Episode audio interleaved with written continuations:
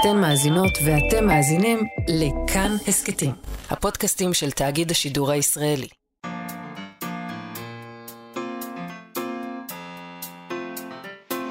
מה שכרוך עם יובל אביבי ומה יעשה לה. שלום, צהריים טובים, שבוע טוב, אנחנו מה שכרוך, מגזין הספרות היומי של כאן תרבות, אנחנו כאן כל יום ב-12 בצהריים, רוב הזמן בשידור חי, לפעמים לא. אתם מאזינים לנו ב-104.9 וב-105.3 FM, או בהסכתים בכל שעה שתחפצו. עורכת התוכנית שלנו היא נועה בן הגיא, על הביצוע הטכני יובל יסוד. שלום לשניכם, שלום לה. שלום וברכה. היום כן בשידור חי. היום בשידור חי. אה, תביא עיתון, שנשים אותו ושיראו את התאריך. כן, בדיוק. איך אפשר לדעת? אה, זה משהו שהיום אה, עשוי לקרות. באיזשהו שלב במציאות נכון. מסוימת. אנחנו זורמים עם כל דבר, ומוכנים לכל דבר. לא, לא. אני כן, את אולי מוכנה, אני אזרום. בלית ברירה, אני אדם אני זרים. אגן עליך, אל תדאג. אני סומך עלייך. לפני זה, שכל זה קורה, נדבר על ספרים. אה, נדבר היום על ספר שנפתח עם ביקורת קטלנית במוסף ספרים של הארץ, שזו טקטיקה די מעניינת לפתוח את הספר שלך עם ביקורת אה, קטלנית במוסף ספרים של הארץ. אה, אולי סוג של טרפוד מראש של ביקורת אה, קטלנית במוסף ספרים של הארץ. אני לא חושבת. לא? להפך, אני חושבת שזה התגרות. התגרות? כן. כן, יכול להיות התגרות. שזה אצבע משולשת קטנה. מהמם. אה, תוגת אה, צעצועיך הקדושים של אלעד נבו מחזיק יותר מזה. זה ספר שעוסק בעולם הספרות, עם כל הרכילות והחשבונות והתחרות וקצת גועל נפש, כן, כמו בכל עולם. אבל גם בעולם הקבלה, בכוחות אפלים ומסתוריים של הדת, והדבר, הוא עוסק בעיקר בדבר שמאחד את שני הדברים האלה, וזה המילים. בשני המקרים, גם בספרות וגם בקבלה, המילים אה, מאפשרות לך להיות אלוהים. כמו, קצת כמו בשיר שאליו מרמז שם הספר, ירח של אלתרמן, שמדבר על בריאה ועל התפעלות מהבריאה, וגם על זה שכל הברואים הם צעצועיו של הבורא. אז אנחנו נדבר על כל אלה עם אלעד נבו, ואולי גם נדבר איתו על התפקיד שהוא ייעד לתוכנית שלנו. אז זו, התוכנית הזאת ממש. מה שכרוך. מה שכרוך בספר שלו, כי גילוי נאות, אנחנו שם. אנחנו שם, יובל אפשר. ומאיה. אי אפשר לעסוק ברכילות ובחשבונות ובתח... ובתחרות ובלכלוכים של עולם הספרות בלי שהראש הקטן שלנו יציץ ויעשה קוקו. ויש לנו שם כוח שטני קצת. אנחנו לא בצד הטוב של לא, העניינים. לא, לא, לא, לא, לא. הנה, אנחנו הוא. התגרה בנו. אה, ואנחנו... אהבנו. איתנו זה עובד, מעניין איך זה יעבוד עם הספרים עובד, של הארץ, נראה מה איתנו קורה זה בול. שם. אה, אחר כך נדבר גם עם ישי מנוחין, איש הוצאת ספרי נובמבר, שהרים את תפוח האדמה הלוהט, שאיש לא רצה להרים, הפרוגון. ספרו האחרון של קולו מקאן, אה, ספר שמבוסס על אה, סיפורם האמיתי של רמי אלחנן ובסם ארמין, שני אבות שכולים משני צידי הסכסוך הישראלי-פלסטיני. פה לא רצו להוציא את הספר הזה לאור, אני לא יודע למה. אה, יש כל מיני, כל מיני השערות. פה פחדו להוציא את הספר לאור. אני אגיד את זה פשוט, אין בעיה. אה, אבל יש מישהו שלא פחד. ספרי נובמבר, זה יוצא ספרי שם. נובמבר, הוא יוצא בהוצאת ספרי נובמבר, יש עכשיו קמפיין אה, מימון המונים, אנחנו נדבר איתו על ההחלטה הזאת ועל הצורך אה, לבקש מהציבור שיממן, אבל אם כבר מדברים על הציבור, לפני כל אלה, מחאת הסופרים, הסופרות, המשוררים, המשוררות. אוי, צריך להגיד עכשיו את כל הדבר יכולה התקין הזה. להגיד סופרים ומשוררות. אתמול יצאו המשוררים והסופרות למאבק נגד התערבות הממשלה בכל העניינים של הספרייה הלאומית. מדובר בשלוש קבוצות אקטיביסטיות של סופרים ומשוררות. עבריים, אה, הם מדגישים שהתאחדו תחת קורת גג אחת. שלוש אה, קבוצות. שלוש קבוצות. לא יכולים להחליט קבוצה אחת. לא, הם התאחדו, עכשיו הם אחת. זאת הבעיה של השמאל. אה, ב- בקבוצה הזאת יש למעלה מ-250 סופרים וסופרות, משוררים, משוררות, עורכים, מתרגמים, כל. קבוצה מאוד פעילה, אני כל השבת, אה, זה צייץ אצלי, זה, היו לי התראות. בסוף אמרתי לעצמי, את יודעת שאת יכולה להשתיק. זה לא חייב להיות ככה.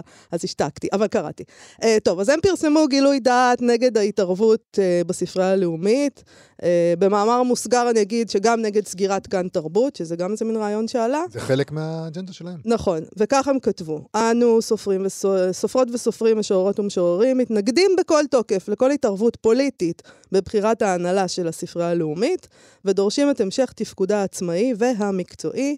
אם היוזמה להכפפת הספרייה הלאומית לגורמים פוליטיים תצא לפועל, לא נפקיד בה את הארכיונים שלנו, נסרב לאשר למו"לים להעביר אליה עותקים מספרינו, כפי שדורש מאיתנו החוק. לפי החוק הם חייבים להעביר, כל, כל ספר שיוצא בארץ צריך uh, שני עותקים ממנו לשלוח לספרייה הלאומית, ולא ניתן יד לכל פעילות שלה. כמו כן, אנו מתנגדים לכל השתלטות פוליטית על תאגיד השידור הציבורי בכלל, ולכוונה לסגור את תחנות התרבות ברדיו, ברדיו התאגיד בפרט, ולכל חקיקה שתסרס את מערכת המשפט ותפגע ביסודות הדמוקרטיים של מדינת ישראל. ובין האנשים שחתמו על גילוי הדת הזה, דוד גרוסמן, חיים באר, מיכל בן נפתלי, רועי חן, דרור משעני, יעל נאמן, אלי אמיר, נועם פרטום, אה, שפרה קורנפלד, אה, יגאל שוורץ, יערה שחורי, יובל שמעוני ורבים אחרים. כן. Uh, ביום רביעי הקרוב, uh, זה יום כזה שהוכרז על ידי מטה ארגוני התנגדות uh, כיום מאבק, הם הודיעו שהם יקיימו אירועי הקראה של ספרות התנגדות במרחב הציבורי.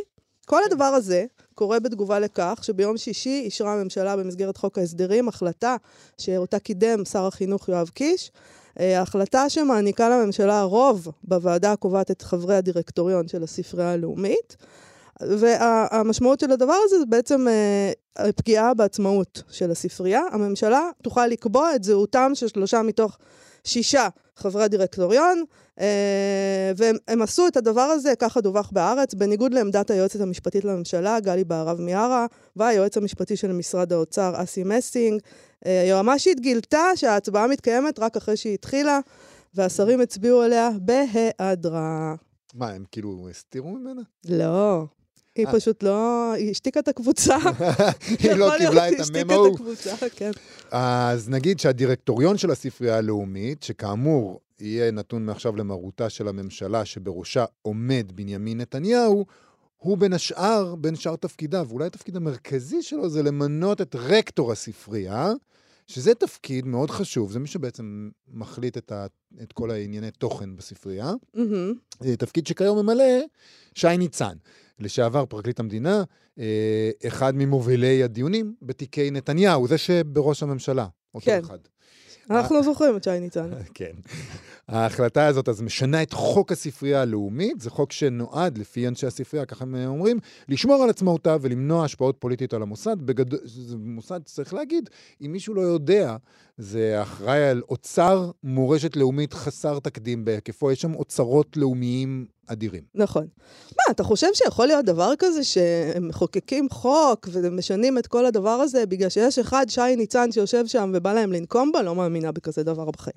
טוב, אז מסינג אה, כתב חוות דעת אה, נגד ההליך, אה, לפיה לא ניתן, לא ניתן אזכור לעבודת מטה מקצועית כלשהי שבוצעה ואשר מבססת הנמקה כלשהי לתכליתו של המהלך. כלומר, זה משהו כזה... מחטף כזה, אה, לא בדקו. השינויים המוצעים יוצרים חשש להגדלה משמעותית של תלותה של החברה, כלומר הספרייה הלאומית בממשלה, וזאת בניגוד לכל האמור בהוראת החוק. אה, היועמ"שית בהרב מיארה כתבה, הצעת ההחלטה מעוררת שאלות שונות וכבדות משקל. כותרתה של ההחלטה מעידה אמנם על השאיפה להגביר את השקיפות והפיקוח הציבורי, אך לא ברור המוצע אה, מגשים תכלית זו. כלומר, אה, אתה יודע, אף פעם לא חשבתי שהם ירצו לגעת בספרייה הלאומית. מה... מה... מה העניין? הספרייה הלאומית, יש שם אה, אוצרות אני, של למה? עם ישראל, מה. הבעיה? מה יותר נכון Mhm. מזה שהממשלה, הלאומית גם היא, כן. תשלוט בספרייה מה יש הלאומית? לשלוט? במה במה הם רוצים לשלוט? בארכיונים של בן ציון נתניהו שהם מחזיקים שם? מה לא, הבעיה? הם רוצים הציבור, שהדירקטוריון זה יהיה הכל. של אנשים אה, שהם סומכים עליהם. הבנתי. בסדר, יובל, שכנעת אותי, אני נכון? אצביע בעד, כן. אה, היועצת המשפטית במשרד החינוך, אה, איילת מלקמן, דווקא. קבעה כי אין מניעה להביא להצבעה את ההחלטה כחלק מחוק ההסדרים, אבל למרות זאת, אפילו היא ציינה שההחלטה הזאת גובשה ללא עבודת מטה מסודרת מול הנהלת הספרייה הלאומית ומול האוניברסיטה העברית, שהיא בעלת מניות בספרייה. זו ממשלה חדשה. מתי הייתה, היה זמן לעבודת מטה מסודרת? אתה יודע. אולי היו יכולים לחכות ולעשות אה. עבודת מטה מסודרת. וואו, נכון. יש להם ארבע. שנים, אם לא יותר. נכון, נכון, לא חשבתי על זה, בסדר. אני לא כל כך טובה בעבודות מטה מסודרות. ההחלטה תעניק לממשלה שליטה במינוי ההנהלה הבכירה של הספרייה הלאומית. היא תחייב את הדחת כל חברי הדירקטוריון הנוכחיים 30 יום לאחר האישור. קודם כל, הם מודחים. הם ממהרים מאוד על כל מיני מאוד. דברים. הם כאילו לא. מאמינים שהם יחזיקו מעמד ארבע שנים. פוטו פארג'. כאילו. כן. טוב, יו"ר הדירקטוריון, סלאי מרידור, התייחס להצעה הזאת, עוד טרם האישור שלה ביום, אה, אני לא יודעת אם זה היה חמישי או שישי, הוא אמר שמדובר פה באיום ממשי על המשך קיומו של אוצר העם היהודי לדורותיו. בספרייה הלאומית הסבירו שמעמד הספרייה ייפגע, ובעיקר יש חשש לתרומות שהספרייה מקבלת, שהן מרבית התקציב שלה. בשנים האחרונות ניתנו לספרייה תרומות פרטיות בסך של כמיליארד שקלים.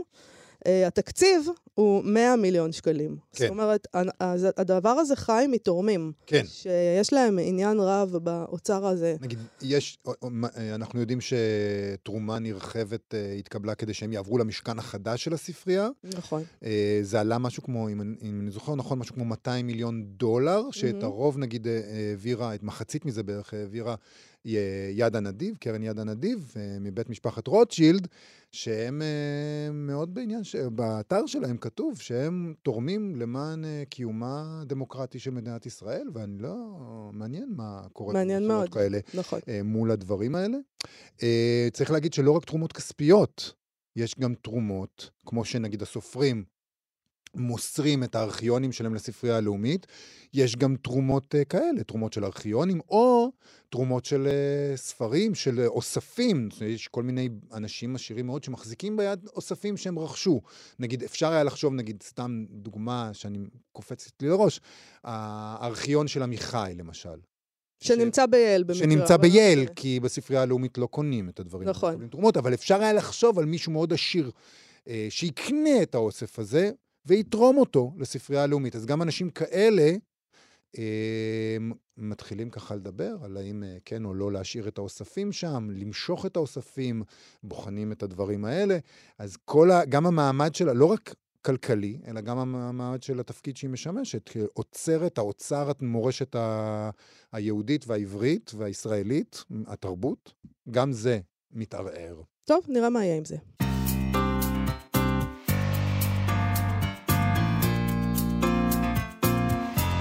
מה שכרוך בכאן תרבות, חזרנו מהקברט ש... של לייזה מינלי לקברט של אלעד נבו.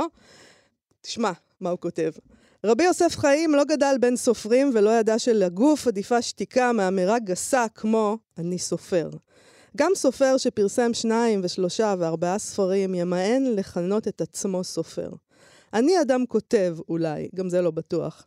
בטח שאני לא סופר. סופר זה פרוסט, זה קפקא, עגנון, בורחס, כיצד אני יכול להציב את עצמי באותה רשימה איתם?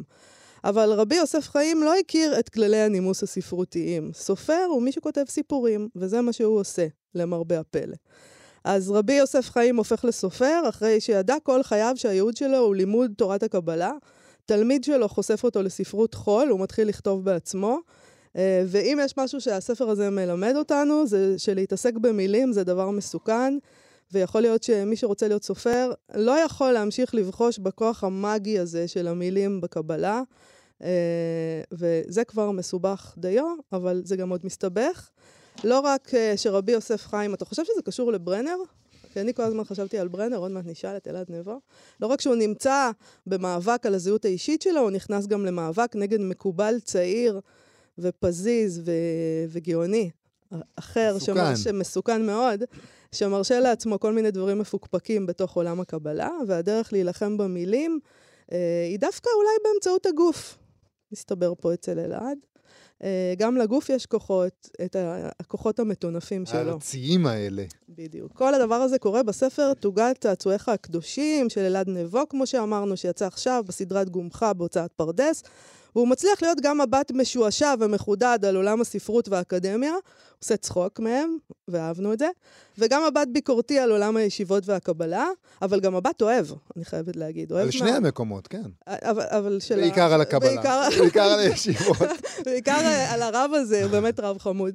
אלעד נבו, נבו הוא סופר, עורך כתב העת ספר, מבקר ספרים וכותב על תרבות וספרות בעיתון ישראל היום. שלום, אלעד נבו. שלום, צהריים טובים. צהריים טובים. אה, כתבת ספר על מילים בעצם, מילים בספרות ומילים בקבלה, שבשני המקרים יש להן אה, כוח מגי, להבין את העולם, לשלוט בו, לברוא בו. אה, עולמות. איך אתה, אתה באמת אה, רואה את העולמות האלה נושקים? הקודש וחול, זה קצת, זה בעייתי. גם זה בעייתי בשביל הרב הזה. נכון, נכון, זה מה שכל כך מטלטל את, אה, את עולמו של רבי יוסף חיים, אה, וזה אחת מהשאלות שניצבות בספר, כשבאמת אבל מה ש... אני אגיד, מה שמעניין פה, למרות שלא לא, לא הסופר מעיד על אה, עיסתו, אבל בעיניי חלק ממה שקורה בספר זה שבעצם יש איזושהי מין תפיסה של מקובלים, אנשי, אנשים שכל כולם בעולמות הקודש, ו, וזה העולם, כאילו זה, זה העולם שבשבילו שווה לחיות, העולם של הקודש, והעולם של החול זה, זה שאלה גדולה איך מתייחסים אליו, זו אחת השאלות הגדולות, בטח בדורות האחרונים. ומה שקורה כאן זה שדווקא עולם החול, כשרבי יוסף חיים נכנס נכנס אליו ומתפתה אליו ומרשה לעצמו בסוף להיכנס לתוכו, דווקא העולם הזה הוא זה שמגלה לו איזה שהן השגות או, או יכולת הכרתית שהיא גדולה יותר מזו שהייתה לו קודם. אז כאילו הדינמיקה כאן בין הקודש לחול היא לא כזאת uh, פשוטה. זה, זה, זה, זה יחסים שמזינים זה את זה. זה קונפליקט שיש לך? אתה, אתה, מותר להגיד, אתה חזרת בתשובה, אתה, כלומר, אתה, אתה כותב? אתה כותב ספרות חול, אין מה להגיד. אתה נמצא בתוך הקונפליקט הזה? אה, כן, ואני מנסה כל הזמן אה, לעבוד איתו. כלומר, לא, לא, לא, לא אה, להיכנע לו, אלא דווקא למצוא את היכולת לגדול מתוך זה. למצוא באמת את החיבור הזה. למה הרב, למה הרב הזה נמשך אל הספרות? למה? הרי יש לו שם עולם שלם, מטורף. למה הוא צריך אותה?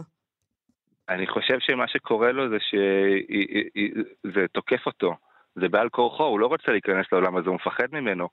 והוא הוא, הוא, הוא פתאום נשאב אליו, כלומר, זה, הוא כפה עליו יצרו, כלומר, הוא פתאום קורא, רואה משהו, קורא במקרה, במקרה של טקסט של אה, דוד שחר, וגם כל מיני טקסטים ספרותיים, והוא אומר, מה זה הפלא הזה, מה זה היופי הזה?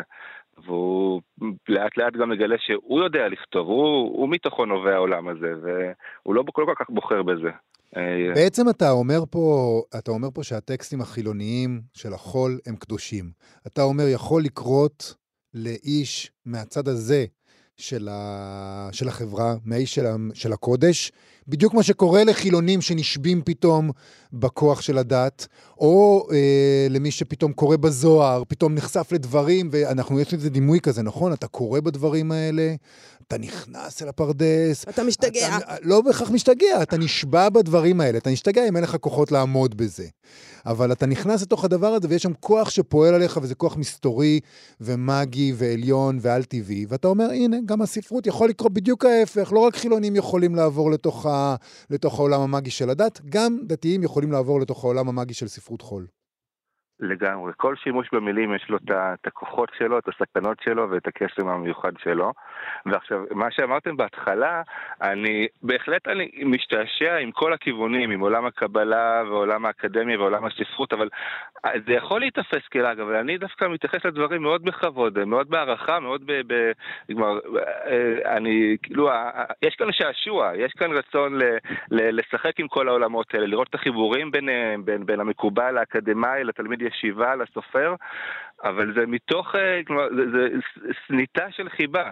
כן, אבל זאת סניטה, אין מה לומר. אתה מתאר את ה... אתה נגיד, דיברנו על הצניעות המזויפת הזאת של סופרים שאומרים, לא, לא, לא, אני כותב. אני כותב. אה, פרוסט זה סופר, כשמה שהם בעצם אומרים זה אני כמו הפרוסט. אבל אה, יש שם גם אה, תיאור של אה, מבקר שמחטט, מבקר ספרות, שמחטט באשפה. של כותבת כדי לשלב את זה בביקורת שלו. מבקרים מחטטים בזבל כדי לפרסם את זה בעיתון. זה מה שאתה אומר בעצם. כן, גם נכון. אתה יכול להגיד את זה, אתה מבקר בעצמך. אה, כן, כן, כן. אה, אה, אני, כלומר, באופן אישי, כשאני כותב ביקורות ספרים, אז אני מנסה להגיד משהו שאי אפשר להגיד, כאילו, שבשביל זה צריך שיכתבו על זה ביקורת. אם אפשר להגיד משהו שהספר לא אומר, אז אין סיבה לכתוב ביקורת. הרבה פעמים הביקורת היום הולכת לכיוונים האישיים, לכיוונים הקהילתיים של איזה קבוצה, כל אדם, כל סופר נמצא חלק ממנה, וזה לא מה שמעניין אותי. וכן, כאילו, זה חלק מהעולם הספרותי, וכן, אפשר קצת... והמפיקה של תוכנית הרדיו שם היא שייכת לכוחות האופל. שמע, כן, זה לא פשוט. שמת. אותנו, כן, המפיקה שלנו, שמת אותנו בצד של הרעים, שזה מצא חן בעינינו. מאוד. תיזהר. כן, אה, המפיקה, ששוב, במציאות היא נהדרת, נועה עשתה אה, נורא נחמד, ואני לא יודע מה היא מתכננת לי עכשיו, אבל אה, כן, המפיקה של מה שכרוך בספר היא נמצאת באיזושהי נקודת מפתח, מוסרת לרב אה, יוסף חיים אה, מסר שהוא צריך לבצע במהלך אה, תוכנית הרדיו. אה, כן, היא נשאבה על כוחות, אין מה לעשות, זה לא קל. אז אני רוצה רגע, אנחנו לא נעשה ספוילרים, אבל נגיד שיש בספר מאבק, כמו שאמרנו, מאבק אדיר, אפשר לומר, בין שני כוחות עצומים, מקובל, צעיר וחזק, לבין הגיבור, הרב יוסף חיים, אבל בסופו של דבר, אחרי כל העיסוק הזה במילים, ורק, ובשפה, ובמופשט, ובכריזמה, וברוחני, יש כריזמה, זה זה הדבר המסוכן. נכון, לשניהם, נכון. אבל בעיקר לצעיר, אבל בסופו של דבר הדבר הזה, לא נגיד איך בדיוק, אבל הדבר הזה מוכרע באמצעות הגוף, באמצעות משהו מאוד ארצי, לא באמצעות המילים בהכרח. נכון, נכון, בסוף הגוף זה הפתרון. וזאת השאלה, כלומר חלק מהעיסוק בין הקודש לחול, זה מה מקום הגוף, מה מקום הארציות, הפיזיות, איך, איך, איך היא נכנסת לתוך עולם הקודש. אה, והמילים הם כאילו, הם חלק ממה שהרי רבי יוסף חיים לאורך הספר הולך ומגלה את, ה, את הטקסטים שהמציאות כותבת, כלומר האדם שהוא בשר ודם הוא בעצם איזשהו סיפור שמתהלך בעולם. המילים יש להם את היכולת ל- לתת לנו את המעבר לגוף הזה. וגם רבי יוסף חיים, כשהוא לומד לשחק עם המילים, אז הוא גם לומד איך, איך לנצח את הגוף בסופו של דבר, או דווקא להביא אותו למרכז. כן, להביא לא אותו, להביא אותו נראה לי. לא אמרתם לי איך אתם, איך זה היה לקרוא אתכם בתור דמויות. זה אחר כך נגיד לך. אבל כן, זה היה אנחנו- מהנה, זה היה מהנה. תשמע, אה, ברור שהסיפור הוא עלינו, כן? אה, הכל עלינו. אה, לא. נכתב עוד ספר שהוא לא עליי, באופן אישי. אז אה, אה, מבחינה הזאת, לא, אנחנו... אה, המחבר מת ומה שכרוך חי. אין. דבר, יותר, נחמד מלגלות שאתה בצד של כוחות האופל מבחינתנו, אנחנו מאוד מרוצים. אבל אה, אה, אני רוצה, דיברת על השפה ועל המילים לעומת הגוף, צריך להגיד גם שבספר הזה עשית כמה משלבי שפה. זאת אומרת, יש עברית מאוד מאוד שונה, נגיד, כשאתה כותב את הרהורי הגיבור שלך, הרב יוסף חיים, או כשאתה כותב על עולם הספרות, או כשאתה כותב על עולם הישיבה, או כשאתה כותב על האקדמיה. גם, כשה, גם כשהמספר שלך, המספר הכל יודע שלך, אה, מדבר על דברים שונים, יש למספר עברית שונה. כמובן שלדמויות יש עברית שונה. כמעט כל הדמויות מתנסחות וחושבות בעברית קצת שונה. אה, כן, אה, אני חושב, כלומר, אני חושב שמה שיש לספרות היום להציע, בסופו של דבר, זה השפה. אה, כלומר, סיפורים היום מסופרים לנו מכל עבר, יש היום קורסי storytelling ל- ל- ל- לכל, לכל תחום, וכל מקום אתה צריך להביא לשם סיפור, ואם אני רוצה לקרוא, אם אני רוצה להישאב לתוך איזשהו סיפור, למה שאני לא אשאב לסיפור של כמה שעות בנטפליקס שהוא לא, לא דורש ממני הרבה אנרגיות, לעומת להיכנס לעולם של ספרות ש, שמצריך ממני אה, משאבים עצמיים הרבה יותר גדולים. אני חושב שמה ש... התשובה לזה שהספרות, מה שהיא נותנת, זה דווקא את הנושא הזה של השפה. אמ, אנחנו, בעיניי, מה שמעניין היום בספרות זה הספרות שעוסקת ב... שהשפה עצמה היא חלק מה, מהסיפור, שהשפה עצמה היא גיבורה של הסיפור. אה, לכן גם, כן, יש כאן משחקים אה, לשוניים בתוך הספר. תגיד, אלעד, האם זה שאני כל הזמן, רבי יוסף חיים הזה, זה שאני ראיתי שם את ברנר, אה, זה מהרהורי ליבי, או שגם אתה חשבת על ברנר כשנתת לו את השם שלו? כן, זה גם, זה, זה הייתה איזה מחשבה קצרה, קטנה של כן, הרי יוסף חיים בעולם הספרות זה לא שם ניטרלי. נכון. ו, וגם יש את, את, קצת את המשחק הזה של יוסף חיים, של הוא מי שמוסיף חיים אה, כחלק מהספרות. כלומר, הספרות בסוף מאפשרת לו להוסיף חיים בעולם. לא, גם יש את העניין הזה של חיפוש הזהות. הרי כל מה שברנר עשה זה לחפש זהות של עצמו, של הגיבורים שלו, וגם הרב שלך מחפש בעצם את הזהות שלו, וחשבתי לעצמי, סליחה על הפסיכולוגיה בגרוש, אבל זה מה שאני עושה. אה, שמת אותו, הפכת אותו גם לעורך כתב עת. אז נכון. אולי אה, חיפוש... כמוך. כמוך, כן. אז אולי, אולי חיפוש הזהות הוא שלך. זה בטוח. אה, אבל כאן באמת הספרות הקדימה את המציאות. אני לא ידעתי שאני אה, עורך של כתב עת כשכתבתי את הספר. אה, לא, כאילו זה היה מין משהו שאפילו לא הייתי חולם עליו, כי זה באמת נראה לי משהו גדול להיות עורך של כתב עת. ואז כאילו כתבתי את הספר, והייתה איזושהי תקופה של, ש, של המתנה בין שסיימתי אה, לכתוב אותו לבין ההוצאה לאור. ואז, תוך כדי הקורונה, באמת אה, עלה הרעיון להקים כתב עת, ובאמת בהתחלה הייתי בטוח, ככה גם קראתי לתיקייה במחשב שלי, הייתי בטוח שלכתב עת יקראו עתיק יומין, mm-hmm. כמו, כמו כתב עת של, של רבי יוסף חיים, כן. אגב, אגב, שמות, לספר קוראים תוגת צעצועיך הקדושים. שזה פרפרזה על תוגת צעצועיך הגדולים, נגיד. אה, של אלתרמן. של אלתרמן, וזה שיר שמתעסק בבריאה, אבל גם זה שיר שמדבר uh, על הסכנה בלהיות אלוהים ולהתייחס uh, אולי לבריאה שלך בתור איזה משחק. זה לא משחק, אז שני, uh, שני, uh, שתי סכנות יש בשיר הזה, גם הסכנה של להיות הצעצוע וגם הסכנה של להיות הבורא. ושינית את זה כן. לתוגת צעצועיך הקדושים. Mm-hmm. נכון, אני די מההתחלה היה לי ברור שזה השם של, ה, של הטקסט הזה, עוד לפני שזה היה באמת ספר, אלא רק התחלה של דמות, וכי זה באמת אחד השירים היפים ביותר בעיניי שנכתבו. אה, הוא מצליח לתאר חוויה כל כך כל כך אה, עצומה, עוצמתית, וזה באמת פסגת היצירה בעברית, והשם הזה של תוגת צעצועיך הקדושים הוא... הוא באמת טומן בחובו המון, כלומר, יש כל, אפילו המתח בין המילים, אה, צעצועים, ולהסתכל עלינו כעל צעצועים של הבורא, כלומר, אנחנו איזשהו מין כלי משחק שיוצר שעשוע, אבל אנחנו למעשה בעצם מלאי תוגה. אה, זה מין ניגוד כזה מלא, באמת שגם המילים עצמן הן כל כך יפות. והמשחק הזה בין הגדולים לקדושים, זה בדיוק המשחק הזה כאן, שגם אתם שואלים על, על ברנר ואלתרמן, כאילו יש כאן באמת שאלה על ה... על הספרות העברית, כי כמו שאמרתם אה, בפתיח של התוכנית, יש כאן כאילו, מין, הקטילה של, שהוא מקבל בתחילת הספר, זה אמירה של אתה לא יכול להיכנס לכאן, אתה כאילו, זה, אתה יצור כובש בתוך עולמה של הספרות. וזה בדיוק המשחק. אלעד נבו, תוגת צעצוע, אה, כן? רצית להגיד עוד משהו?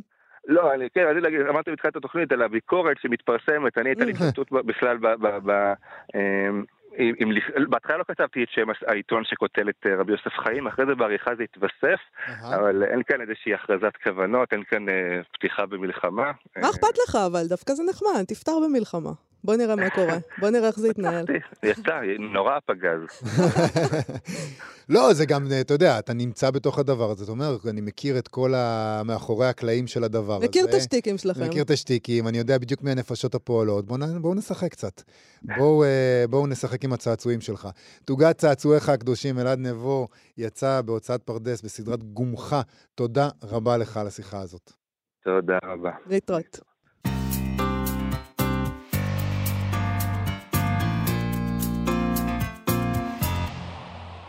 מה שכרוך בכאן תרבות, חזרנו. בתחילת שנת 2020 יצא לאור ספרו של כל המכאן, הפרוגון, בהוצאה היוקרתית רנדום האוס, ספר שמבוסס על סיפורם האמיתי של רמי אלחנן ובסאם עראמין, שני uh, אבות שכולים משני צידי הסכסוך הישראלי-פלסטיני. בישראל, כך נודע עד מהרה, בחרה ההוצאה שעד אז פרסמה את ספריו של מקאן בישראל, עם עובד, שלא לתרגם אותו. זה הסיפור, כן, דיברנו על זה פה. דיברנו על זה פה, ואפילו בסנדיי טיימס דיברו על זה. הם פרסמו אז שהוצאת עם עובד הודיעה למקאן שאינם מעוניינים בספר, משום שהם לא חושבים שהקוראים הישראלים מוכנים לספר כזה. זר לא יבין זאת. ככה נכתב אל תתערב לנו. בסנדיי טיימס. כזה, מה זה זר לא יבין זאת? כן. זה רק לנו מותר לכתוב את הסיפור שלנו. נכון. אל תסתכלו מבחוץ. זה... דבר מוזר רוח, מאוד להגיד. רוחה של התקופה. כן. מה, אם אתה... זה נכון. עם עובד, אמרו אז, אה, שמעולם לא נתקלנו בניסיון רציני ומושקע כל כך של סופר זר להבין את נקודת המבט הישראלית, אבל הם גם אמרו, הוא נטל על עצמו משימה מונומנטלית ובלתי אפשרית לדעתנו, ולכן לאחר התלבטויות רבות התקבלה ההכרעה לא להוציא את הספר לאור. שלא בתגובה הזאת הרשמית, אמרו שם בתוך ההוצאה שעבדו על כתב היד, ניסו לערוך אותו וזה, וחשו שהספר לא טוב מספיק ושזו הסיבה שהוא לא תורגם, ולא חלילה חשש פוליטי. זה אה, עזות מצח קצת, יובל, אתה לא מה, חושב? מה, להגיד שהספר לא טוב מספיק? כאילו, כל המכאן הוא סופר גדול, הוא... נכון? אנחנו כן. מסכימים על זה? אני אוהב אותו. אוקיי. הם ניסו לערוך את כל המכאן, והם הודיעו לו שהוא לא, שהוא לא כתב ספר מספיק טוב. כן. למה שלא תגידו פשוט, אנחנו לא רוצים להוציא את הספר שלך? אולי הם חשבו שהוא לא מספיק טוב. בחייך. בסדר. בקשר לכן או לא מספיק טוב, רק נגיד שקצת אחר כך הספר הזה היה מועמד לפרס הבוקר היוקרתי. מה הם מבינים? לא פרס ספיר אמנם, אבל פרס הבוקר. כן. הזמן חלף ולא נמצאה הוצאה שתתרגם את הספר הזה לעברית. היו כל מיני ניסיונות מצד הוצאות יותר קטנות, אה, אבל אף אחת מהן לא הגיעה להשלמה עד עכשיו. הוצאת ספרי נובמבר פצחה בקמפיין מימון המונים להוצאת הספר הזה, שתורגם על ידי דוקטור חנה עמית כוכבי. בעמוד הפרויקט אה, הם כתבו ספר זה מעבר להיותו רומן סוחף ומרטיט לב, יכול להוות תרומה משמעותית לדיון בכיבוש במרחב הציבורי בישראל. בזכות תמיכתך, הם אומרים, לתורם או תורמת, וגיוס מוצלח, נוכל להוציא אותו למרחב הציבורי, ואיתנו עכשיו עורך מו"ל ההוצאה, ישי מנוחין. שלום ישי.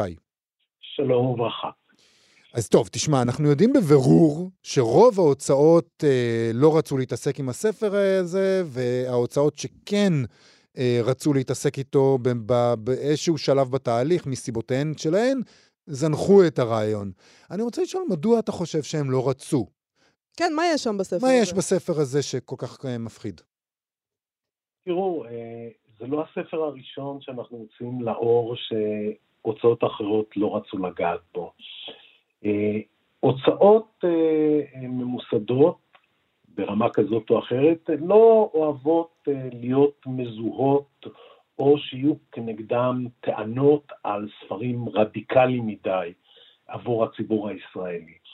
והספר, הפירגון, הוא סיפור קשה. קראתי אותו וקראתי את התרגום שנעשה, כבר עכשיו עריכה של התרגום, וזה ספר קשה, ספר קשה כי קשה לקרוא, וקשה, אה, קל לנו להזדהות עם הכאב שלנו, קשה לנו כחברה להזדהות עם הכאב של הצד השני, של הצד הפלסטיני. וקולום אה, אה, כותב מנקודת מבט חיצונית על הכאבים ועל הניסיונות להתגבר עליהם של שני הצדדים. והוא עוד אה, אה, ספר שתומך ברעיון שחלק גדול מהישראלים קשה להם איתו. אה, כי הכיבוש זה דבר קשה.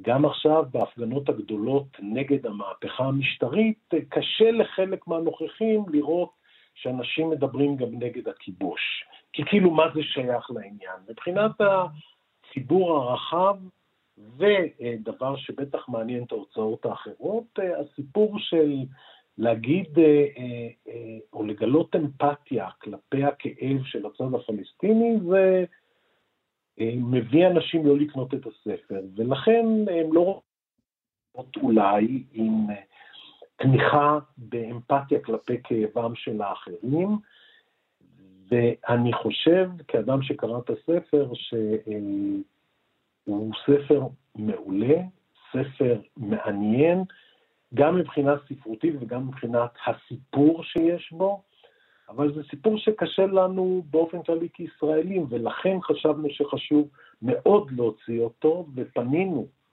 בגיוס המונים לאנשים נוספים שיתמכו בעניין, כדי שנוכל להוציא אותו לאור ולפרסם אותו כמו שצריך. האם אתה פנית לכל המכאן והיית באיזשהו קשר איתו והוא יודע מכל הדבר הזה? כן, לגמרי. כל המכאן נשאר בקשר חם עם רמי אלחנן ובאסם ערבים, ודרכם פניתי אליו, הוא מודע לכל הסיפור, הוא יודע את כל הסיפור, קשה לו עם כל הסיפור, והוא חושב שמאוד חשוב שזה יופיע הן בעברית והן בערבית, ואני יודע שהם מנסים, הסוכנים שלו, למצוא אה, הוצאה שתוציא את הספר גם בערבית. וגם זה קשה, אני מניחה. אף אחד לא רוצה לשמוע על הצד השני משהו. כן. או, או, או לקרוא ספר שמגלה אמפתיה כלפי הצד השני. כן. זאת אומרת, לגבי הכאב של הצד השני. להראות ש, שלא רק אנחנו כואבים, אלא גם הצד השני כואב, וחי בתנאים שאנחנו, קשה לנו, קשה לנו לראות את עצמנו גורמים לצד השני. ולכן גם אנשים נמנעים מלקנות ספרים, אני מבין, אני מבין את ההסתייגות של ההוצאות האחרות להוצאת הספר, אותה הסתייגות הייתה כשהוצאנו ספר על הנכבה, התיאור האתני של פלסטין, שאילן פאפה ניסה במשך 15 שנה ליצור הוצאה לאור ישראלית שתוציא את הספר בעברית. תגיד, זה יותר קשה בימים אלה להיות הוצאה כמוכם, או שהדיבורים האלה על השתקה או על, או על סכנה מסוימת הם אה, סיסמאות שאנחנו שומעים? אה, קשה לי, קשה לי אה, לקבוע אם זה יותר או פחות, כי כבר ארבע עשורים אנחנו מוציאים ספרים, למשל את גבול הציות של תנועת יש גבול, שהוצאנו תחת עוד לא בתור הוצאה מסודרת, אה, או על דמוקרטיה וכיבוש, תמיד קשה לישראלים לקרוא ספר ש... ש... ששם בסימן שאלה פרות קדושות. אבל זה מוזר בעיניי, בגלל שאף אחד לא מכריח אף אחד לקרוא. כלומר, זה, זה הדבר המשונה פה. הרי אנחנו לא מכריחים מישהו לקרוא את הספר, אנחנו רק מוציאים את הספר. אז מה העניין פה? אפילו כשאני חושבת על עם עובד, אתם לא... אז מה אם הייתם מוציאים את הספר הזה? מי שלא רוצה, שלא יקרא. נכון, אבל תסתכלי, אני מסתכל על הספר אה, הקודם שהוצאנו על מלכוד הלאום. אה, אז מצד אחד מצאנו מספיק אנשים שיתמכו בהוצאתו לאור, אבל אף אחד לא התייחס אליו, שהוא מדבר על, אה, למעשה על הבסיס של האפרטהייד בחברה הישראלית, או על חוסר ההכרה של אה, אה, מדינת ישראל אה, מההתחלה, מחוק האזרחות הראשון, בכך שיש פה שני סוגים של אנשים שמגיע להם יחס שונה.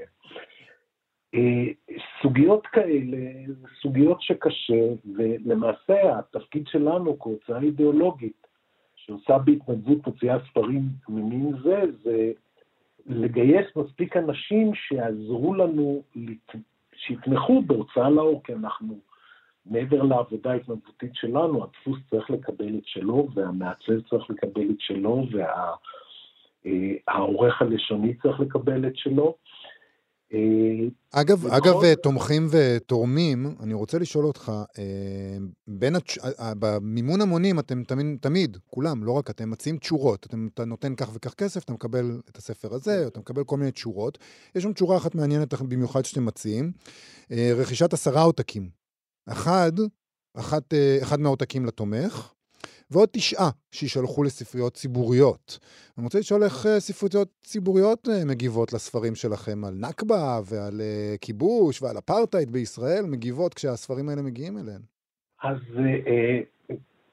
קודם כל אנחנו לא עושים את זה לגבי כל ספר וספר. את הספרים, למשל, נגיד שירת המחאה בישראל, שיצאה לפני שבועיים, אז כשלושה אנשים רכשו את התשורה הזאת, ואנחנו נשלח את זה ל-27 אה, ספריות אקדמאיות. יש ספריות שמחזירות לנו את הספר, ואז אנחנו מוצאים ספרייה אקדמית אחרת שתקבל אותו, אה, ויש ספריות ששולחות מכתבי תודה, אני חושב שזה מאוד נחמד מצידם, כי סך הכל הספריות בישראל, אנחנו יודעים, לפחות האקדמיות, שתקציבם יחסית נמוך, אז אם אני שולח אה, אה, אה, לספרייה, נגיד, של האוניברסיטה העברית, או של אוניברסיטת חיפה, או לשני אוניבר... ספרים לספריות שונות באוניברסיטת תל אביב, בדרך כלל הן שמחות לקבל ספרים. ספריות שהחזירו לי ספרים, אז אני פשוט לא שולח להם יותר ספרים. אני חושב שזו דרך חשובה להעביר את המסר. ואנחנו שמחים לעשות את זה כי ההדפסות שלנו הוא בין 500 ל-1,000 ספרים, למעט ספר אחד שנמכר ב-1,200 עותקים. ואז אה, אה, מאוד חשוב שבעוד חמש שנים, בעוד עשרים שנה, אה, אנשים יוכלו למצוא בספריות את הספרים האלה. קשה לסמוך היום על הספרייה הלאומית שתשמור את הספרים עם כל השינויי חקיקה שמנסים לעשות כדי לוודא שהספרייה הלאומית אה, אה, תפעל בדרך הימנית הראויה ותדאג בעיקר אה, לא לספרים שמאתגרים את המערכת, וזה ניסיון החקיקה האחרון שהוכנס ל... לחוק ההסדרים, למרות שאין לו שום קשר לכלכלה.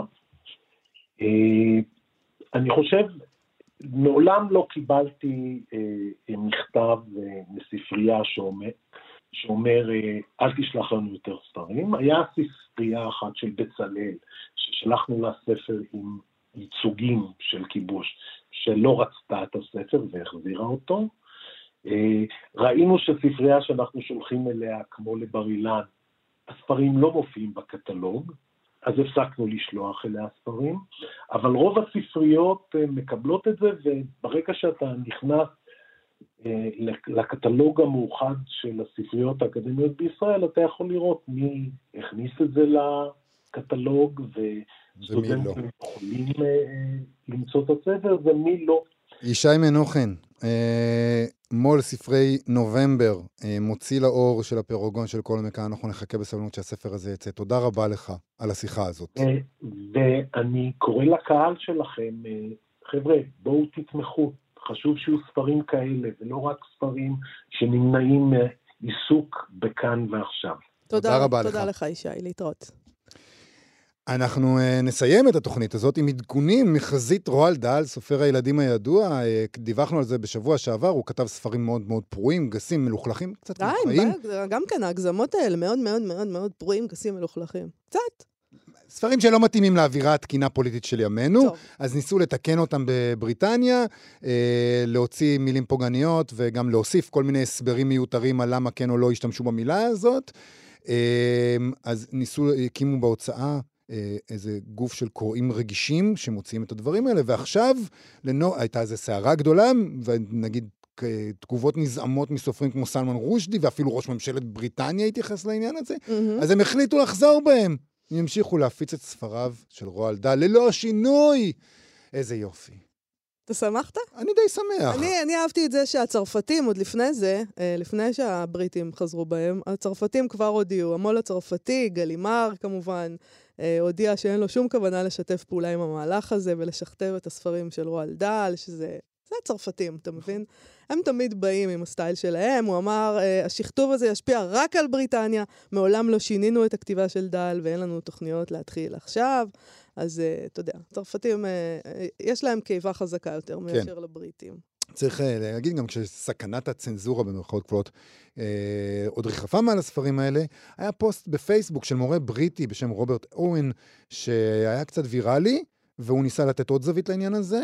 הוא כתב שהעניין הזה הוא לא צנזורה ליברלית, זה הרי מה שאמרו, נכון, הפרוגרסיבים האלה לא מסוגלים שיהיה כתוב את המילה שמן ליד ילד, אז הם הוציאו את זה. אז הוא אמר שזה לא זה, אלא אינטרסים מסחריים. הוא הסביר שם שהמותג הזה שווה המון, המון כסף, המותג רועל דל, ושיש עסקאות להפקת אה, סדרות בנטפליקס, והספרים בכלל סובלים מירידה עקבית במכירות, והעדכון הזה נועד להפוך אותם למחירים יותר, וזה כל הסיפור. נכון, הוא כתב שהעריכה היא לא בשם הליברליזם הפרוגרסיבי, אלא היא, נעשתה דווקא על ידי ארגון שמרני. אה, וגור... ועל ידי גורם מסחרי. כן, אה... כלומר, הדאל Foundation, שזה הגורם עם הזכויות, וההוצאה אה, שם שאחראית עליו. נכון, אז אה, הוא, הוא אמר שברור לכל בר דעת שצריך לעזוב את הספרים ולתת להם להימחק מתודעת הציבור בצורה טבעית. לא יכולה לסבול את זה, כבר עדיף הדאל Foundation.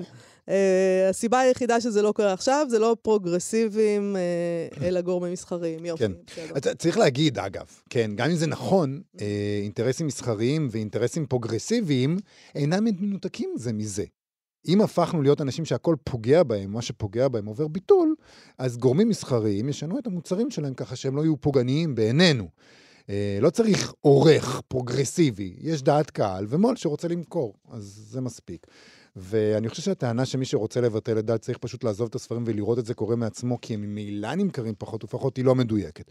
הנה, הסיבה שגורמים מסחריים רוצים להפוך אותם לסרטים וסדרות והצגות ומחזמרים, זה שהקהל נמשך לחומר הזה בדיוק, לזה הוא נמשך, לא לחומר המתוקן.